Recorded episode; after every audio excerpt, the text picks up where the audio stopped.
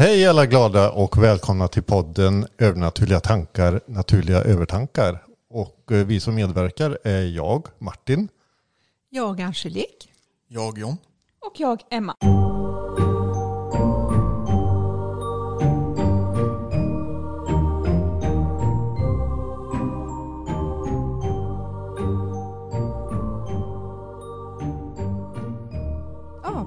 Skulle ta upp eh, lite om eh, voodoo, som vi pratade om senast. Mm. Och eh, när jag har forskat lite i det så visar det sig att voodoo och hoodoo är samma sak.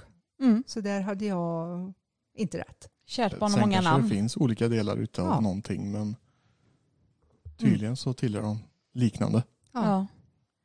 Och vad jag kunde hitta så är vordon eh, från början ursprung, ursprungligen kommer det från eh, afrikanska religioner. Eh, och är sannolikt flera tusenårig som har spritt sig sen. Och religionen är närmast att betrakta som en hybrid av en mängd tra- traditioner och trosinriktningar vilket gör den mycket dynamisk. Och också svår att få grepp om just för den sakens skull. Men eh, eh, något som kan vara intressant är ju att eh, vodon kom till Västindien med slavskeppen och fick snabbt fäste bland de ofria befolkningen.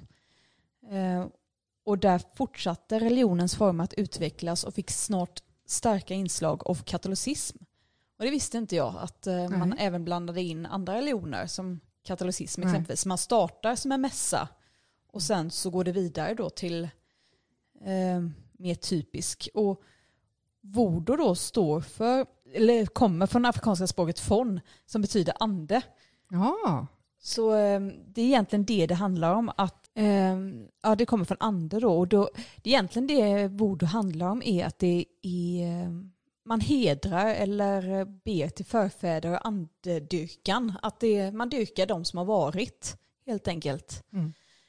Ehm, och att eh, olika former av voodoo har förekommit både i Västafrika, Haiti, Dominikanska republiken, Kuba, Puerto Rico och sen nu då södra USA när slavarna kom dit. Ehm, och det är lite spännande för att ju, man har ju då som du var inne på Angelique pratat om att det finns gott och ont, vit, svart, Mm. mörk. Eh, och de tar upp det lite att egentligen så är det nog inte, stämmer nog inte riktigt det. Um, ska vi se vad jag får upp det här. Um, exempelvis med voodoo-dockor som vi tog upp i förra avsnittet. Mm. Ehm, så står det det att eh, Det var Crowley som... Eh, Ja, precis. Att voodoo har sedan slutet av 1950-talet efter framträdandet av ockultister som Alistair Crowley, som är väldigt känd idag för exempelvis tarotkort. Han Mm. höll ju på med satanism och så och så vidare, men idag så är han ju en slags förfäder till eh, våra tarotkort. Det står på många av tarotkorten att Alistair Crowley är. ja det visste Ehm, jag inte. Det är en kortlek jag har hemma där han står. Så som- han har blivit eh, rumsren. Ja, kan man väl säga. Men egentligen så var han ju av det okulta Mm. eh, bakom stängda dörrar och så höll han på med det här svarta magin lite grann. Och, Var det han som uppfann voodoo-dockan då?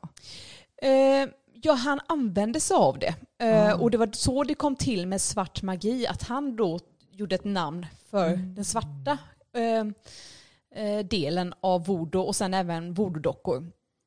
Och då var det då voodoo-dockan eller poppets eller Pune eller Pen, jag vet inte hur man ska uttala det, P-W-E-N, eh, sägs fungera som en representation av en person. Det dockan råkar ut för sägs också hända personen som dockan representerar. Vanligast i myten är att sticka dockan med nålar eller att bränna den. Bruket av dockor är dock inte unikt för voodoo och har lika stor liten grund i europeiska magiska föremål eh, men även föremål från centrala Afrika. Myten har mycket liten täckning i den verkliga voodoo-religionen. Voodoo-dockorna förekommer, men det var europeer som gjorde kopplingen voodoo, inte utövarna själva. Ja, för det enda man har hört om voodoo och det är ju det att eh, de har voodoo-dockor, Mm. svart magi Mm och att eh, det var där zombie skapades också. Ja, och det tar de också upp. Och det är lite spännande för här tar de upp det att eh, inom afrikanska religioner är tron på häxeri, inklusive svart magi, förmågan att besvärja onda andar stor. Och att voodoo är inget undantag. Mycket av det som forskare från början trodde var tro på svart magi var dock antingen de ritualer som hedrade eller försökte kontakta de döda eller tron på att det vi kallar ödet eller otur. Så egentligen hade det ingenting med svart magi utan det var den vita mannen inom stationstecken som tolkade det Ja. de såg och Mm. trodde att det var farligt. Rädda vita människor alltså. Ja men lite så. Mm. Det känner man igen. Ja precis. Och jag kan ju förstå den oron också på det sättet. Alltså inte det de skapade som var intressant. Men jag kan förstå oron i och med att det var ju de som höll slavarna. Ja, ja, ja. Ja. Det dåliga samvetet, de vet att de inte gör rätt. Eller så inte dåligt samvete, bara rädda för att de skulle Ja. Ena sig. bli mördade eller Mm. dödade eller någonting sånt där. Det var ju tacksamt att säga det att de utövar saker som inte var bra. Då. Mm. Mm. Det står det att enligt religionen voodoo då så kretsar riterna kring andarna. Eh, Dessa anses vara de levande människornas förbindelselänk till det förflutna. Både bortgångna släktingar men också i Haitis fall även det afrikanska ursprunget. Det är ju egentligen ingen skillnad mot en seans. Nej. Reading. Det är det ju inte. Nej. Så att jag tror att man... Man har skapat en bild av alla filmer man har sett. Och, Men räknas det som en religion eller är, har det bara blivit som återigen då liksom vita människor eh, har satt epitetet på det? Att Det, det, det, räknas som en religion. det gör det? Ja. Ska vi se vad det stod. Jag kände inte riktigt till det här namnet. Ehm, en grupp animistiska religioner med inslag av förfäders och andedyrkan. Så det är ett samlingsnamn kan man säga för en lös grupp. eh, animistiska religioner. Jag vet inte vad det står för, kanske man kan kolla upp. Ja. Ehm, För det, det låter ju inte som ursprungligt en religion i den bemärkelse utan mera som en del av deras liv. Ja. Man, kan, man skulle kunna säga som kultur kanske, men här står det att eh, animism är ett begrepp inom teologin som betecknar religiös uppfattning enligt vilken naturen är besjälad. jaha. Man tror exempelvis att det finns en ande i varje träd eller vattendrag. Totembegreppet hos vissa nordamerikanska folk handlar om animism. Mm. Mm. Det var där, därför jag blev nyfiken på om det räknas för... Ja. Ja precis. Men det ska det tydligen Mm. göra och det är ju ganska utbrett då egentligen man tänker på hur många länder det har funnits i. Mm. Eller finns kanske i vissa utslag. Det stod att det var kopplat till kreol också. Såg jag. Ja, det är ju Haiti. Haitisk Haitis kreol. kreol. Ja just det. Ja. Mm. Så De tog väl med det då när de tog med. Ja. Ja, det följde väl med när de blev tagna Ja. som Mm. slavar. Ja. jag. ja, för det fanns ju många slavar i Haiti också så att det då... För nu finns det till och med vita i södra USA som pratar kreol. Mm. Man säger ett Ja. egen, egen dialekt i princip med franskan som inslag. Mm. Ja. Precis. ja, vad intressant. Då har lärt mig något nytt. Ja, ja men precis. Om Det, det är ju väldigt, det är precis så. eh, Vi har ju fått det populariserat via bland annat filmer och eh, Ja, James Bond kommer jag ihåg. Bond. James Bond. Aha, Ja, i James Bond-film där det var voodoo-inslag. ah, okej. Ja. Så Mm. det sitter i färskt minne. Ja. Men som sagt som du var inne på förra avsnittet Martin att det är med eh, populär, populärkulturen och filmer att Mm. man använder ju det som man har tillgång till. Ja. Det är väldigt lätt att använda voodoo som något väldigt ondskefullt exempelvis med voodoo-dockor och sen även zombies och Mm.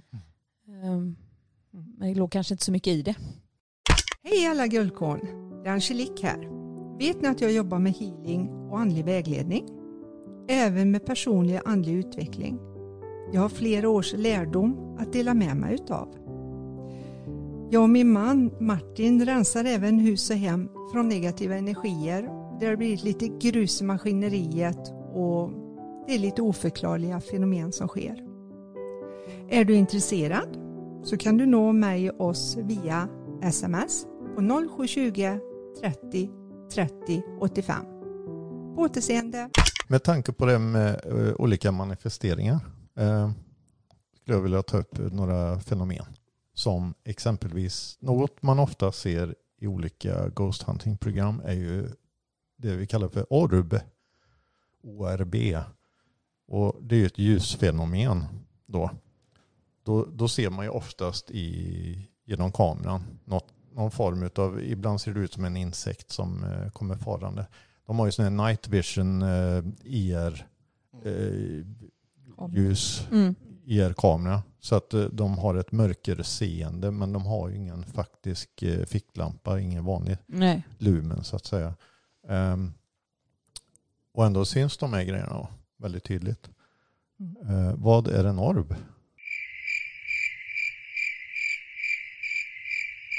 Ja, ibland kan de ju misstas för eh, det kan vara damm eller det kan vara någon insekt. Men ibland så eh, är det inte det. Det kan vara att det är en eh, del av energi helt enkelt. Jag tycker det är ganska häftigt när man ser på exempelvis de här YouTube-klippen vi ibland tittar på med olika Ghost Hunters-program och så. När man ser att en orb kommer väldigt direkt mot någonting och sen så flyger det iväg. Mm. Alltså man ser att det, det rör sig inte som ett typiskt dammkorn eller en insekt utan det har en direkt riktning eller ändrar riktning väldigt fort eller hastigt. Och grejen är ju alltså, man kan ju tydligt se att det inte är typ en insekt eller ett dammkorn. Mm. För att det har ju någon slags medveten eh, bana. Ja, precis. Ja. Eh, Och ibland har man ju sett också när det kommer en orb, när han far mot en detektor som ska ge signal ifrån sig. Att bara någon bråkdel av sekund efter orben har åkt dit så gör eh, Ja. instrumentet utslag. ja, precis. Eh, Så här står det om orber. Eh, Det är stora oskärpecirklar eh, som uppkommer då partiklar, damm, då, vattendroppar, insekter etc. hamnar kraftigt ur fokus. Och för att framträda så måste de vara mer upplysta än bakgrunden. Eh, Som exempelvis vid blixt i mörka utrymmen. Och det, är- det är ju den förklaringen när det är frågan om en partikel eller någonting som har en massa på något sätt. Eh, i, ja. Men orber är ju någonting som är jättevanligt inom eh, andlig kontakt, Mm. spökerier och så vidare. Mm. Och ibland så kan ju orberna visa sig också som en kanske del av en kroppsdel som axel på en människa och Mm. sådana grejer. Så att, och de kan vara långsmala, det behöver inte alls vara runda vita bollar som får runt. De kan ju vara långsmala nästan. Det är, det är något som kallas delvis uppenbarelse. Ja. Och det kan man ju se en, en arm komma flygande. Ja. Mm. Och det är väl en typ, jag kan tänka mig att det är, jag tror i alla fall att det är en fortsättning på orben. Ja, Alltså att orben kanske är en liten del utav, precis. Att det är ett större objekt egentligen. ja, Fast fast man, ser det inte då. Nej. Så ibland kan man se en arm gå förbi eller ett ben. Mm. Och det är också en, en del bara. Jag tycker det är lite fascinerande för jag har ju varit lite i diskussioner just om detta på olika sidor och eh, det finns ju människor som vill se tecken i allt. Eh, inget illa ment men det, det finns. Och eh, när de ser en orb så kan de börja diskutera på en tråd på en sida. Det kan vara en Facebook-sida om spökerier eller vad som helst. Och helt plötsligt är det någon som säger ja, jag ser en liten tomtenisse där i den runda. Ja, jag ser en liten elva och då känner jag att det är nog inget för mig längre. Då blir jag lite hank. Men då blir det det vi pratade om sist tror jag va? Att man kan se tecken i Ja. allting om man vill. Ja, I brädor eller... ja, och vem är jag att säga att de inte ser det de säger? Nej, precis. Men det är också det här lite Mm. med mönstret på mattor och sånt där Ja, vi har pratat precis. om. Mm. Att man försöker göra eh, någonting logiskt. Eller? Nej precis, för jag personligen, jag tror ju både på tomtar och älvor och så vidare. Men, Och vi vet. Men Ja. det, det tror jag inte man ska koppla samman kanske just med orber i det här fallet, tänker jag. Nej. För, Det är det det- precis som du säger, att det är som en, eh, en liten del av någonting som Mm. egentligen är större. mm, är väl kanske någonting som håller på att manifestera sig. Sen är det ju att eh, vissa säger, det håller inte jag med om då, att i en orb som du sa, där tror man att man ska se en gestalt i själva orben Mm. när Ja, man förstorar. Men Mm. jag tror att det är precis som en del av en hel energi. Mm. Varför skulle det vara en liten sak i en ännu mindre sak? Ja, precis. Varför skulle, vi, varför skulle det vara någonting som är i en, eh, i en ljusboll Mm. och så är det en jätte, jätteliten människa där? Ja. Mm. Och det är alltså en orb då som är ett ljusfenomen, någonting, en partikel som är ur fokus. Om man förstorar den så kan man ju faktiskt börja se mönster i den.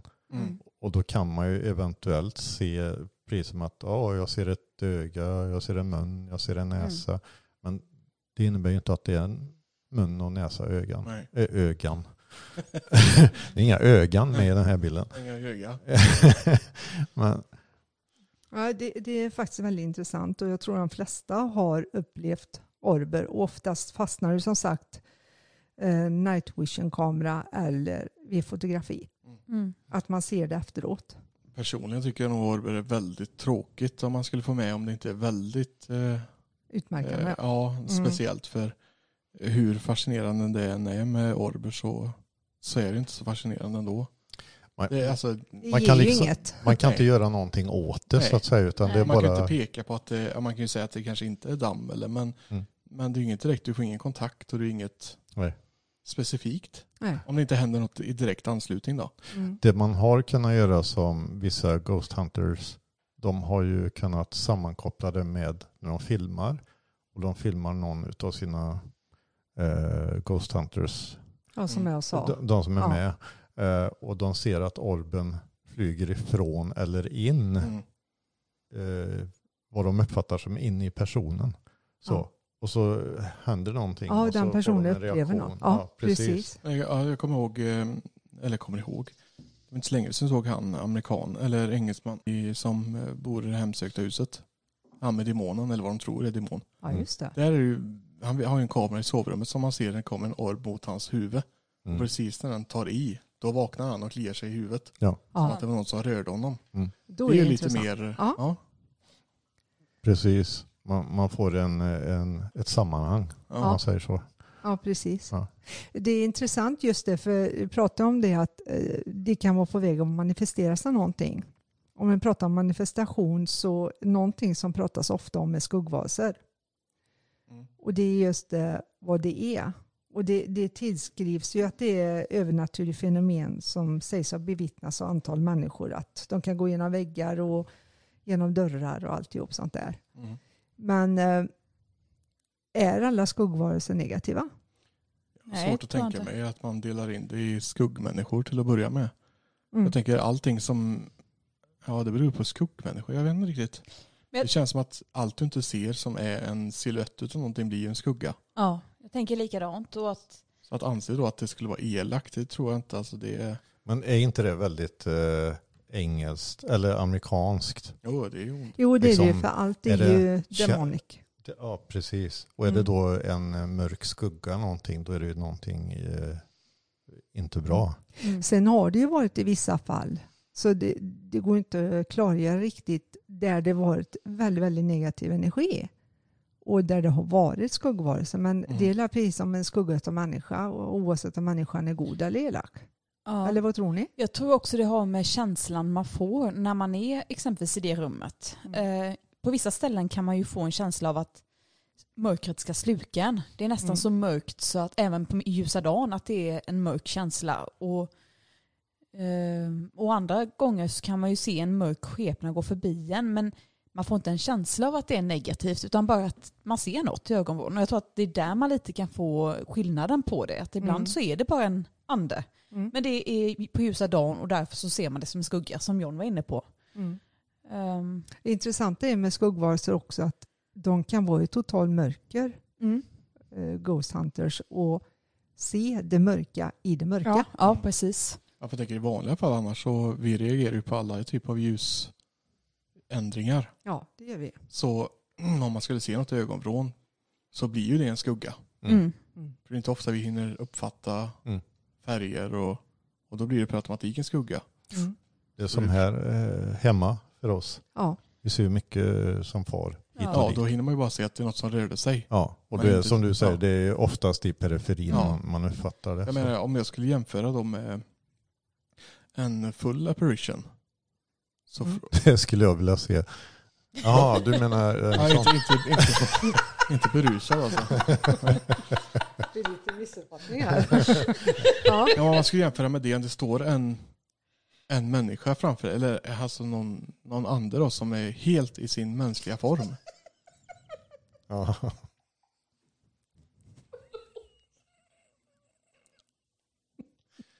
Yes. Mänskliga form. Visst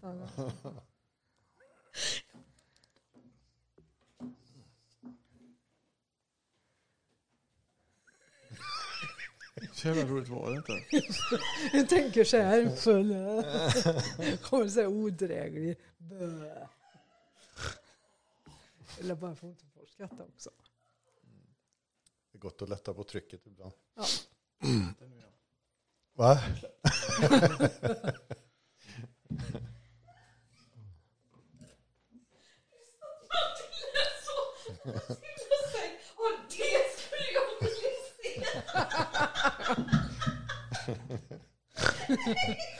Ja, det var faktiskt ett roligt inslag. Gud, jag märker hur trött jag är. Ursäkta. Åh. Det är gott att lätta på trycket ibland. Åh. När man ska jämföra mellan det och en skuggvarelse då tror jag jag har blivit mer rädd för apparition än en Mm. skuggvarelse. För skulle man se, det är klart jag hade blivit hoppat till av en skugga också som står framför mig. Men att få alla detaljer på någon. Mm. Då har jag blivit mer så här, är, andningsdrag och ja, då blir det så här, är det människa eller är det? Ja, och den bara precis. försvinner sen. Mm. Då är det nästan det varit värre tycker jag. Ja. Mm. Ja, kan faktiskt hålla med om det. Eh, en skugga, då försöker man fortfarande leta efter något rationellt eller något logiskt kanske. Bakom, Ja. Vad är det som är bakom skuggan så att säga? Ja. Och det är också lätt att inbilla sig, eller tänka att man har inbillat sig. Ja, absolut. Mer, mer lätt att tänka att man inbillar sig Ja. på en skugga. Ja. Eh, ja. Men eh, vad är en skuggvarelse? Ja, det finns en definition på det tror jag. Ja, det är ju skuggvarelse är ju en eh, energi. Övernaturlig fenomen. Oavsett om det är någonting bra eller mindre bra. Ja, det, vad det står så är det ju utmärkande att det är en skugga och sen att den kan gå genom väggar och Men jag funderar, har vi oftast uppfattat en eh, skuggvarelse eller en energi som är mörk som negativ eller neutral? Eller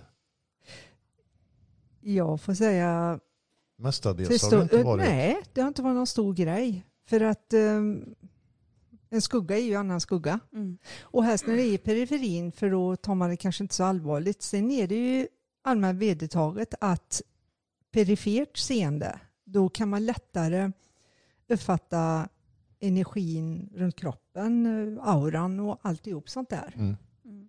Jag tänker på den historien du berättade för mig Angelique när Anna låg i spjälsängen och Mm. det stod massa skuggvarelser runt henne och du kastade en kudde för du blev Ja. Eh, och så insåg du så här att nej, men de är ju där för, för att de är nyfikna och för att de Och är, skydda. Ja, skydda goda Ja. energier. Och det är ju ett sånt klassiskt eh, exempel på att Mm. Jag kunde ju ha sagt att det är något negativt men det insåg ju sen att det var det ju inte. nej, Men det är klart när man vaknar på natten och tittar mot spjälsängen och man ser flera skuggor stå som en ring lutad över, då, då tror man ju att det är något negativt. Det är en beskyddarinstinkt. Ja, precis. Jag tänker just att de, de pratar om skuggpersoner som att det är en egen del utav något paranormalt. Mm. Men hur vet man då när det är en skuggperson och när det är Alltså man ser en silhuett utav någonting. Hur ska man kunna definiera? Jag tror att inte jag man såg, kan jag såg det. en, är det klart, är det kolsvart och det kommer någonting som är ännu mörkare. Mm. Mm. Men annars, hur ska jag... Och varför, eh, som enligt amerikanerna då, är skuggvarelse alltid något negativt? För en skugga är ju en skugga. Det, det, Jag det skulle kan- tänka mig att det är det enklaste sättet om jag får bara brodera ut. Om man skulle vilja visa sig som ande och ta någon typ av fysisk, då är det väl en svart massa mm, väldigt mycket enklare Ja, det det. energimässigt Mm. än att ha detaljer och kläder och ansikte. Och, Mm. Mm. Men jag kanske har fel. Jag vet inte. Nej, jag tror att det krävs väldigt mycket energi om det ska eh, gå igenom just med sig kläder och alla detaljer. Mm.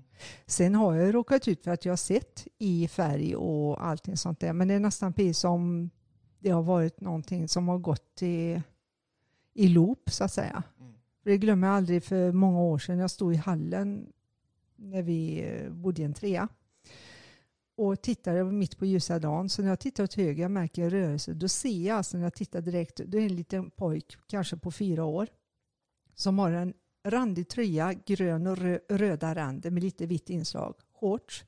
Han springer förbi mig från köket och håller, precis som han håller i koppel till en hund eller något, men jag ser ingen hund. Springer efter, skrattar och springer rätt genom väggen ut. Mm. Och jag står och gapar, jag blir ju inte rädd. För jag blev så överrumplad. Mm. Men då såg det riktigt, riktigt färg, precis som det var en fysisk dag. Mm. Men jag tror att det var bara något jag råkade se. Mm. För det, jag är helt övertygad om att det krävs extremt mycket energi. Då är det lättare att visa sig, nära kära visa sig i en mental bild i huvudet. Mm. Eller i drömmar. Eller en doft. Doft ja, Ja. precis. Det, det är lite fascinerande så för att när vi exempelvis som gör en husrensning eller någons hem så uppfattar vi uppfattar ju alltid energin i färger. Ja. Jag, jag kommer inte ihåg just nu i alla fall att jag har uppfattat det som någon svart skugga. Det, det har jag ju säkert gjort eh, på, någon, på något Jo, ställe. Så. i en laggård såg jag det en gång. Men eh, i annat fall så är det rätt sällan. Ja, men det förekommer, det vet vi Ja, ju att det jo, jo, jo. förekommer. Det, det är jättevanligt så. Mm.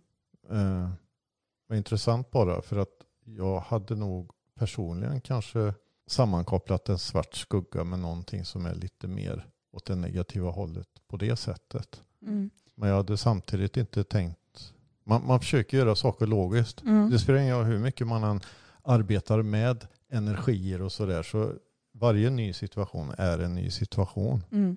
oavsett. Och man måste spekulera och fundera hit och dit. Men vi har ju även upplevt eh, ljusvarelser som springer förbi, svischar förbi i perifera seendet. Ja. Det är inte lika vanligt men jag tror det kan vara lite tuffare och Vad tror ni är anledningen till att man inte blir rädd eller reagerar om man ser någonting i ögonvrån? Som hemma till exempel. Det kan man göra dag som natt och då man hinner uppfatta det Mm. men man hinner inte reagera. Är det det som är grejen? Jag tror inte avsikten är att, eh, alltså det är precis som, du, du upplever det i ögonblicket på Mm. något sätt. Du är inte inställd på att du ska uppleva någonting. Så att, jag menar, dina tankar är, Men till och med när man tänker tillbaka på det efter så blir det Mm. inte som att, att jag, jag kan säga att ja, jag såg något precis där. Och Mm. egentligen kan man tänka på att om jag såg något där då kanske jag ser något igen och då kan vi ju säga nej. Va? Men så tänker man ju aldrig. nej. Det är som att ja, jag såg något.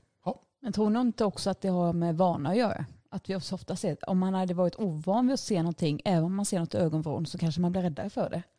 Men Eller det är ju som så, nio utav tio Ja. personer jag pratar med, eller tio utav tio personer, har alltid upplevt som någonting i ögonvrån. Ja. Men de har ju tolkat det som vi gör också. Det kan vara glasögonskalmen, det kan vara håret, det kan vara, men det inte finns någon logisk förklaring. Men det är Mm. inget skrämmande. Ja, det är någonting med ögonen eller någonting sånt där. Mm. Hittar en logisk förklaring då. Men jag tror det att det är just att det sker i ögonblicket att man hinner inte vara rädd. Man hinner inte tänka. Men det, där håller inte jag riktigt med. För jag tänker, när man bara ser någon gå förbi ögonvrån så tolkar jag det som att det är bara någonting som, det är inte något som drabbar mig. Men jag vet när jag har sett saker, eh, exempelvis eh, någon äcklig sak titta ut från eh, badrummet, för det har ju hänt ibland hemma hos oss. Eh, ser nästan lite, clownliknande, ser nästan lite clownliknande ut, fast ändå kombinerat med eh, vad heter den här skräckfilmen när de gör massa experiment på människor? Ja, Mm. um, strunt samma. Men i alla fall, den, och då har jag också bara sett det ögonblickligen. Men då känns det som att avsikten är att skrämma mig. Ja, men har du sett det ögonblickligen så har du sett det med synen rakt fram. Du har inte sett det i ögonvrån för då hinner du inte se detaljerna. Det, det gör man ju inte när man tittar perifert så ser man ju inte detaljerna. Man kan ju se en människa stå bredvid kanske vänster men du kan inte tala om så ser människan ut. Nej. Så Om du det måste inte är ha så att sett du har lagt ihop det. Att hjärnan lägger ihop det åt dig. Ja. Att det är något som påminner om det du pratar om fast. Ja. För jag ser grejer i vårt badrum nästan varje kväll. Mm. När jag sitter och kollar på tv. Ja. Mm. Men det har blivit så vanligt. Jag vet inte vad det är. Nej. Jag ser något ljust, något vitt stå där men sen. Ja. Och det andra, då kan jag också tänka att det är så återkommande. Varför skulle jag inte bli mer rädd då? Mm. Men någonting, jag vet inte, någonting i kroppen eller i Vissa att själen. det inte är alarmerande. Nej, det är ingenting som jag reagerar Nej. på. det känns inte hotfullt. Nej, och sen är ju frågan vad den här, eh, vad det nu är, Mm. vill uppnå med det då. För att Mm. jag reagerar ju inte. Så Nej. varför fortsätta?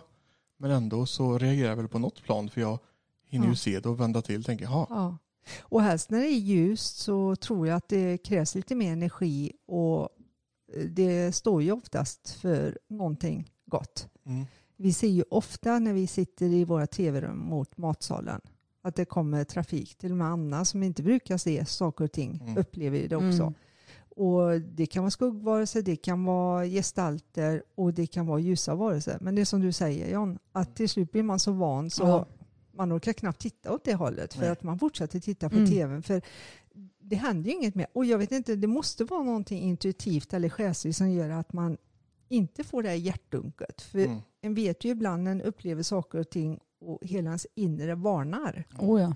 Att här är det, här är det inte bra. Vad är Mm. detta för något? Men det, vet du, det fick vi ju mycket mer på Södergatan. Mm. På andra lägen, I andra lägenheter vi bodde, Ja, det blir var, ju olust helt det var enkelt. ju alltså var och varannan kväll så fick vi ju kontakta dig för att rensa lägenheten Mm. för att den var så obehaglig. Ehm, Och det ju en portal som egentligen aldrig riktigt gick att stänga. nej, och det blev inte bättre när jag renoverade lägenheten jämte. Men det, det händer, som sagt, det händer ju saker i den här lägenheten med. Men man får väl känslan av att det är inte det är inte menat att skada en. Eller, man får inte den instinkt som du pratar om. Det är väl det det handlar om egentligen då. Mm. Att, Och sen säger jag, det, det ska ju vara energier där Ja. man bor. Det vore ju fruktansvärt annars. ja, Jag och tror vi, jag tänker att vissa ställen pratar man om att de känns döda. Och det känns, är det då brist på energi? Ja, det är jag Eller är det övertygad brist på om. mänsklig energi från människor som bor där? Att de har tagit bort? Hur menar du? Nej, men du kan ju gå in på en plats och känna att det är, Det det är nästan för lugnt. Så det finns inget, det finns Det finns ingen ingen energi. gnista. Mm. Det finns inget liv. vakuum Mm. nästan. Man tänker om ett ställe har varit tomt väldigt länge då, bortsett från ett spöke eller inte, så känner man att det är, det är tomt. Ja, Ja. det är obebott. Då tänker man, är det inga energier där då eller lägger de inte ner energi på att vara där? Eller vad? Alltså det, det kan man ju spekulera i. Det jag tänker är att det blir väl lite som att man på något sätt kan starta igång Mm. energin. Eh, Med sin egen, menar du? på något sätt. Ja. Eh, Det vet man ju också att exempelvis vi kan ju ha bott på ett ställe ett år eller två och det händer inget speciellt så Nej. utöver det vi sysslar med så att Ja. säga. Men sen efter ett tag, och det kan dröja flera år ändå för vissa människor och helt plötsligt så sker Börjar det det, ja. saker. Mm. Ehm, Jag tänker motsvarigheten till eh, The Others med Nicole Kidman. Mm. Ja just det. Att det, kan det vara så att om ett ställe är tomt, så om det finns andra kvar där, kan de leva sitt liv då? Att alltså de- är kvar i sin... Och ser oss sin som spöken. Ja, alltså de är kvar i sin bubbla. Ja. Och sen kanske ingen bor i huset på 20-30 år. Mm. Tills några flyttar in och då blir det väldigt konstigt allting. Mm. Det tror jag. Jag tror det är väldigt, väldigt möjligt. För det har råkat ut för när jag har hjälpt vissa energier genom åren över till andra sidan att de har varit så rädda för att de har tyckt att vi har spökat. Mm. För de, de ser ju det de ser och vi, vi lever ju i det vi tror är riktigt så att säga. Ja. Det, det som har varit jobbigt tycker jag, eller jobbigt men alltså det, det påverkar en känslomässigt väldigt mycket på det sättet är när någon eventuellt har farit illa i sitt Mm. liv och dött som en följd utav. Eh, och sen flera hundra år senare så kommer en annan dit. Och den här personen går fortfarande i detta. Mm. Alltså, jag, jag tänker på Varnhems klosterkyrka. Det Ja, var det för precis. det var några år sedan nu. Ehm, men när vi gick mot uh, själva klosterkyrkan på vänster sida där det finns en eh, dörr så var det ju en eh, Energi. energi Mm. så som man visar sig i färg. De här kläderna, tattiga kläder, det var inte kläder ens en gång, jag vet inte, det såg ut som någon jutesäck eller någonting. Mm. Liknande. Han var inte vatten värd. Nej. Och jag kommer inte ihåg exakt nu för det var några år sedan. Men jag, om jag minns rätt så var han, levde han någon gång på 1400-talet. Mm. Kan, kan ha varit så. Eh, någonstans där. Och han var ju alltså, han var ju mindre värd än grisarna. Mm. Alltså som munkarna eh, höll, liksom hushöll. Var han en träl då egentligen? Eller? Ja han var ju precis, han var ju bara ren arbetskraft. Ja. Det var ju eländes elände. Mm. det som var intressant var att när vi var, vi, vi, hjälpte honom naturligtvis och han ville ju knappt, för han var ju underdånig så bara skrek om det. Eh, Men till slut så gick han över. I Mariakapellet. Mariakapellet där bredvid Mm. ja. Precis de- den dörren där han visade sig utanför Mm. helt enkelt. Eh, nu nu och där senast det var så intressant. Nu var vi uppe och kollade på eh, den kyrkan som har legat på kullen ovanför Mm. klosterkyrkan. Ehm, så berättar ju hon, guiden, hon som eh, pratade där att de som inte var vattenvärda, vad man säger, Mm. de var begravda på den sidan utav klosterkyrkan Ja. där han visade sig. Och det behöver inte alls vara ett samband på det sättet, men det var så intressant att höra för att de som var rika och så här, de begravdes ju i och runt kyrkan och bla Ja. bla bla så här och de fick liksom en Mm.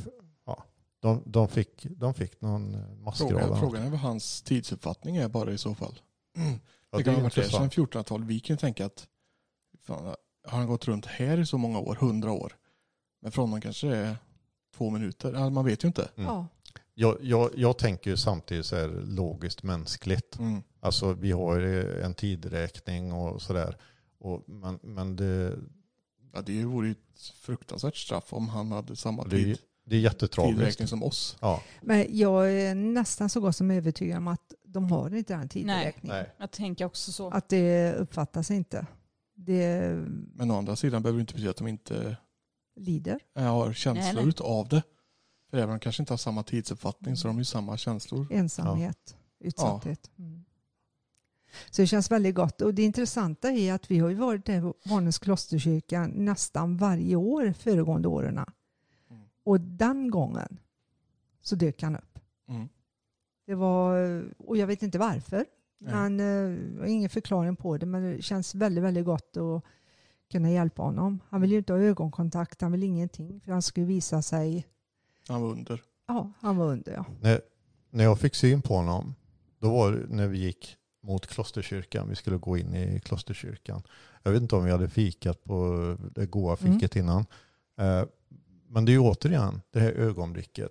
Man är inte beredd och man går inte runt och tänker att hopp, undrar om det finns någon spöke någonstans. Nej, Det- jag det- tänker man bara tänker- på historien. Och, Ja, Ja. vi njuter av eh, atmosfären, historiska alltihopa. Och helt plötsligt som du säger så dök han upp just den Mm. gången. Jag vet inte om det... Vi har ju varit i väldigt mycket större slott och ställen innan har det inte varit något. nej. Nej, Nej precis. Och så, Så- tycker man så här, om vi var där första gången hade jag förstått att då är det, i och med att vi är uppmärksamma, men det var alltså var det åttonde eller tionde eller femtonde Mm. gången vi var där. Ja. Och, så den, och sen har det inte hänt någonting efter. Vi var ju där nu för några veckor sedan. Och, Ja. Men det är så intressant att vad kommer sig att det bara blir helt plötsligt då? Mm.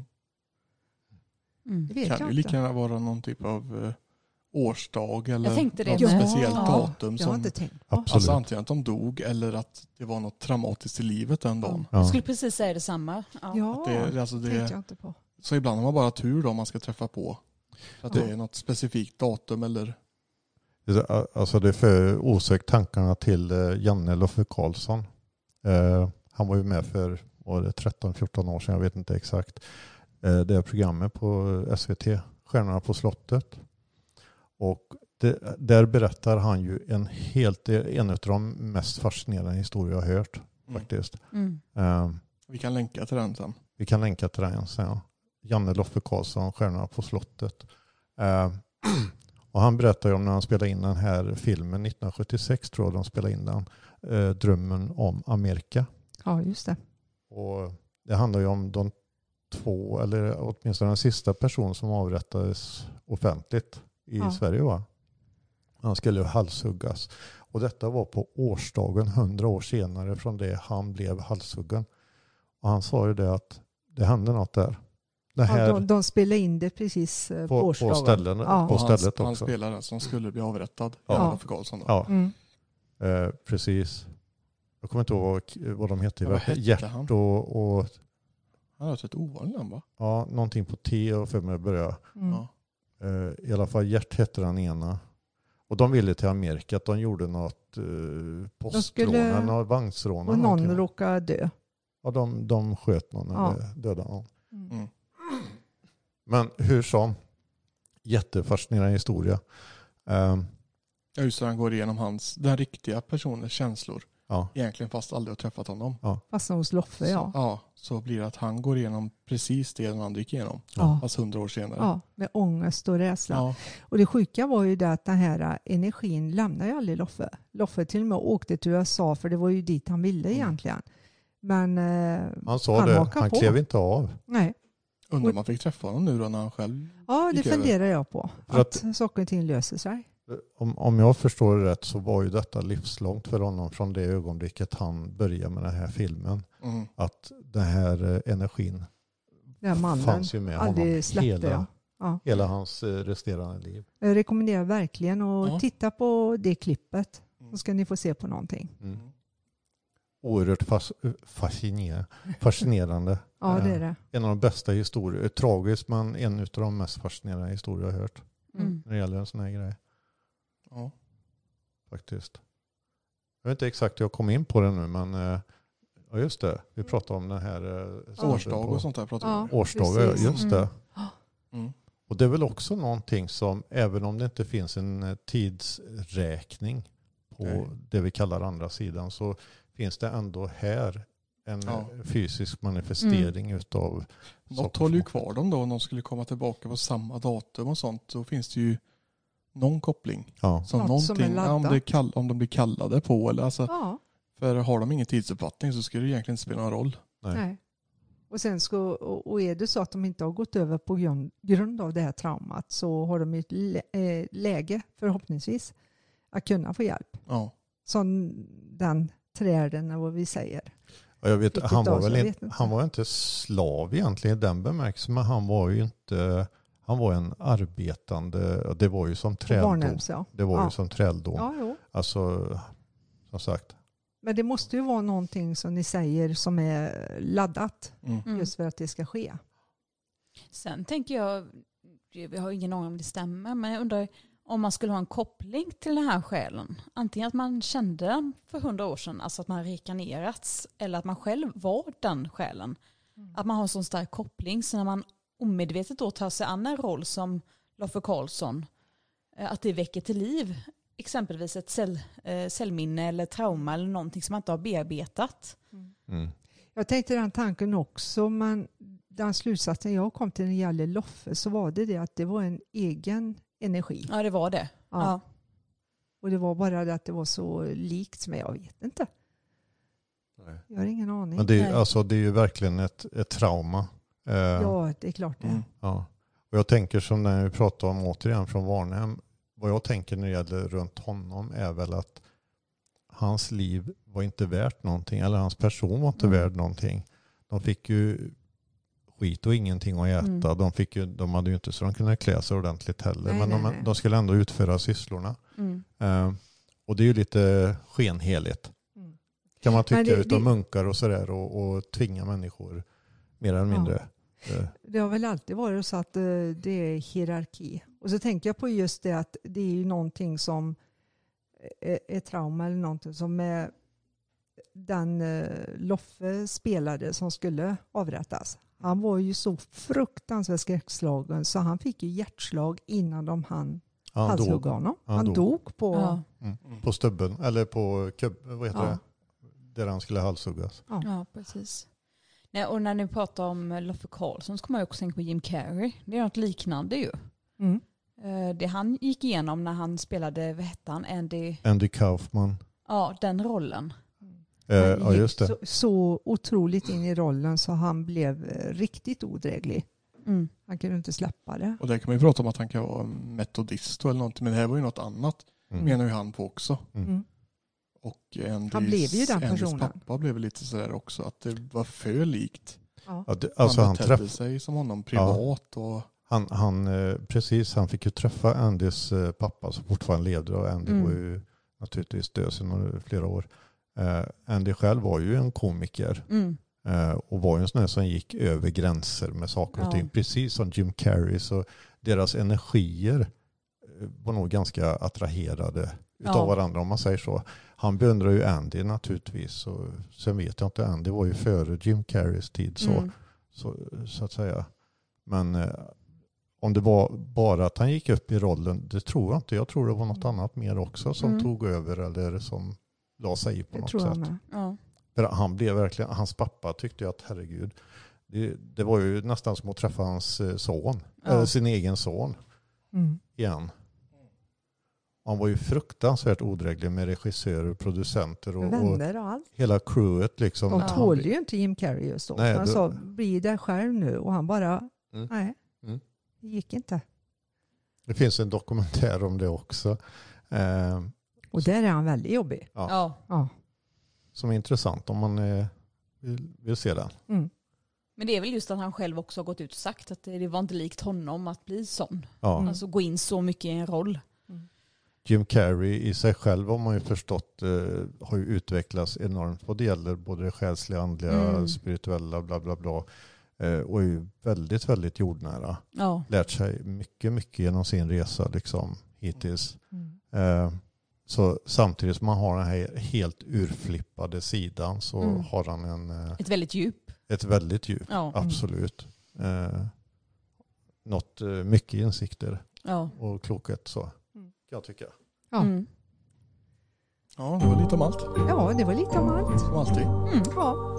Ska vi tacka för oss och runda av för denna gången? Ja. Ha det Ha det gott. Hej då. Hej då.